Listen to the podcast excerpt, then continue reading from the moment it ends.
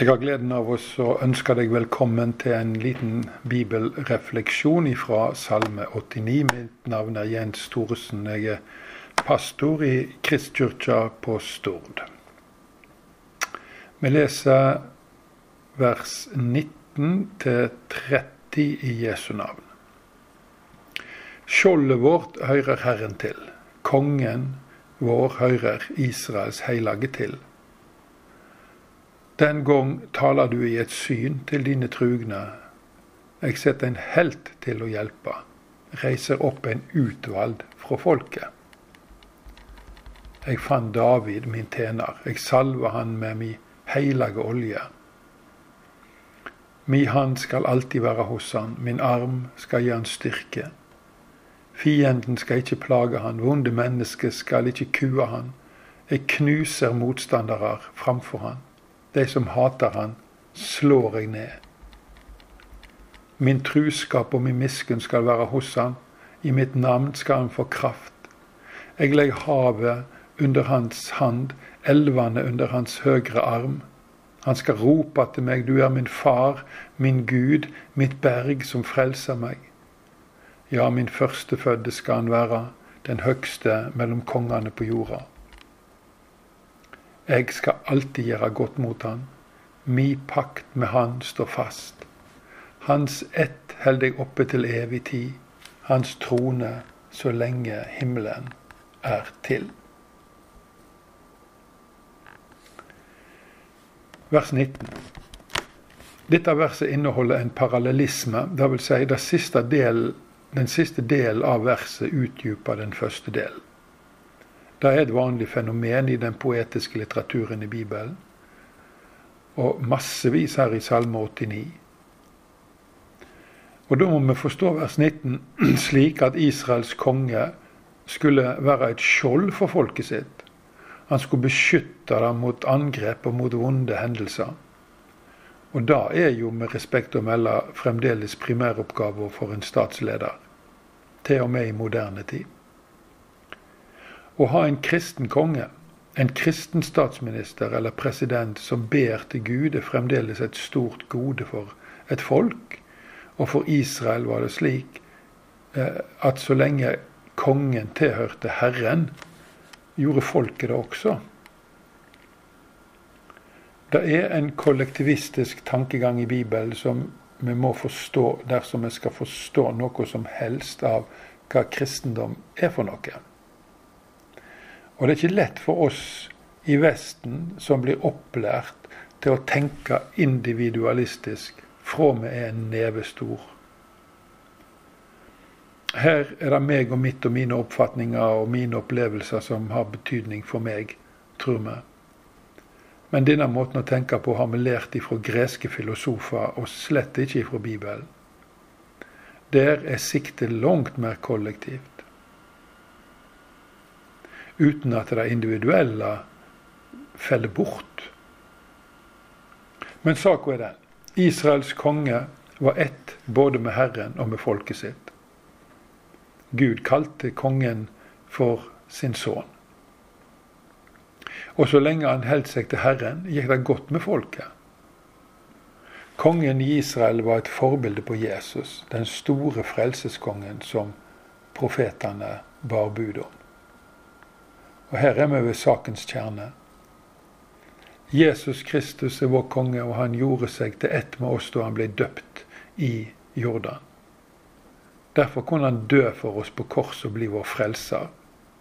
Så lenge vi tror på Han og holder oss til Han, er Han vårt skjold mot alt som kan skade oss i vårt forhold til Gud og hverandre. Og står vi trufast sammen med Han, da vil Han stå trufast sammen med oss. Og kommer djevelen mot oss med stormer, stiller vi oss bare bak Jesus. Han som har fått makt til å stille hver eneste storm, både fysiske og åndelige. Så vil jeg snakke litt om lederskap, om det å være pastor i en kirkely. Jeg tror det er et generell sannhet at pastorer, eller eldste om du vil, står sammen med Jesus som en mur mellom djevelen og menigheten de tjener. Dersom en av pastorene eller de eldste snur seg vekk fra Jesus, blir muren svekka og kirkelyen kommer i fare. En som skal være leder for Guds folk, skal altså verne folket mot angrep fra synda og verden og djevelen. Og det er en krevende posisjon. Han får mye juling. Ingen trenger Kristus som vern for sitt liv mer enn en kristen leder. Og han trenger desperat kirkelyens i forbønn. En pastor ber jo jevnlig for hver enkelt i kirkelyen. Og den enkelte i kirkelyen må daglig be for pastoren sin. Slik må det være om alt skal gå bra for alle. Vers 20-30 handler om David, Guds Messias. Innholdet her er av en slik art at det, det er ikke alt som passer så godt på David. Derfor er dette profetiske ord som peker framover mot Jesus Kristus, han som David var en modell for, eller en forløper for. David var en helt. Kristus er en helt. Han er vår sanne helt som gikk i, døden for å frelse oss ifra den evige fortapelsen. Han er den som var utvalgt til dette fra evighet av. Og han ble salva med Den hellige ande til å forkynne frihet for alle oss som ved synd var bundne til djevelen og hans skjebne. Og for å gi oss synet og hørsel tilbake, slik at vi kan se og høre Gud og la oss elske av Han. Herrens hånd var hos Jesus, slik at han kunne helbrede de syke. Og Guds arm gav han styrke til å stå i stormene som kom over livet hans.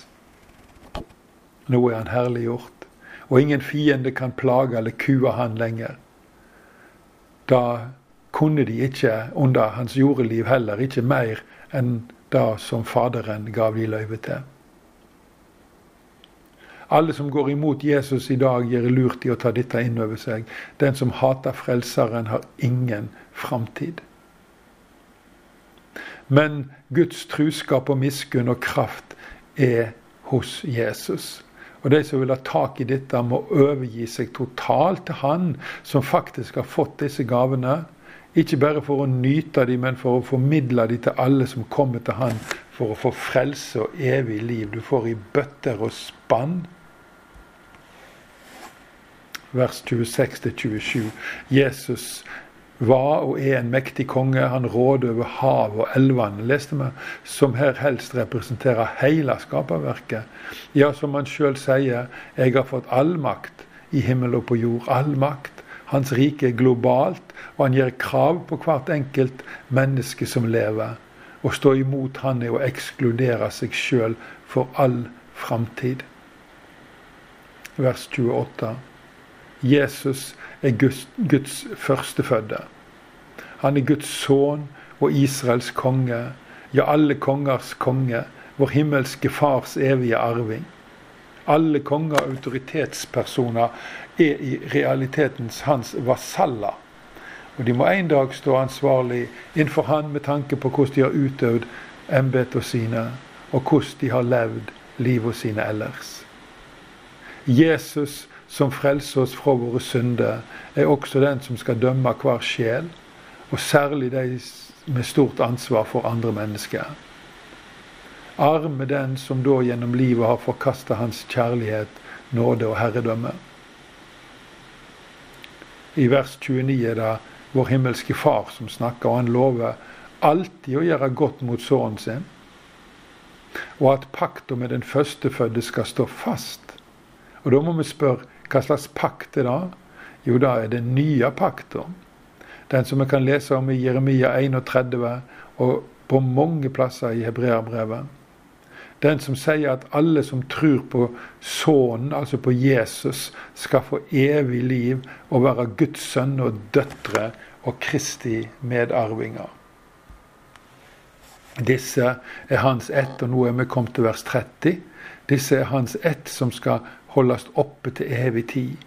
Og de skal samles om hans truna i en evig lovsang som skal vare så lenge himmelen er til, vil si inn i evigheten. Jeg håper både du og meg blir å finne der. La oss be sammen. Herre Jesus Kristus, vi løfter opp ditt dyrebare frelsernavn. Du er vår bror. Du er vår skaper. Du er vår venn. Du er vår rettferdighet innenfor Gud. Alt godt har vi i deg. Du er vår fred, du er vår glede. Og vi er så stolt av deg, du vår store helt. Velsign hver enkelt av de som lytter til denne bibelrefleksjonen i kveld. Eller når det de måtte være. Fader vår, du som er i himmelen. La navnet ditt helgas, la riket ditt komme. La viljen din råde på jorda så som i himmelen. Gi oss i dag vårt daglige brød, og forlat oss vår skyld, som vi òg forlet våre skyldmenn. Og før oss ikke ut i freisting, men frels oss fra det vonde. For riket er ditt og makta og æra i all eva. Amen. Må Herren velsigne deg og bevare deg. Må Han la sitt ansikt lyse over deg og være deg nådig. Må Han løfte sitt åsyn på deg og gi deg fred. Takk for at du lytta eh, til bibelrefleksjonen i dag. Og dersom du ønsker at vi skal be for deg, så kan du bare ta kontakt på mail pastor krøllalfa kristkyrkja.no. Og der kan du også ta kontakt dersom du har behov for å prate med noen om viktige livsspørsmål.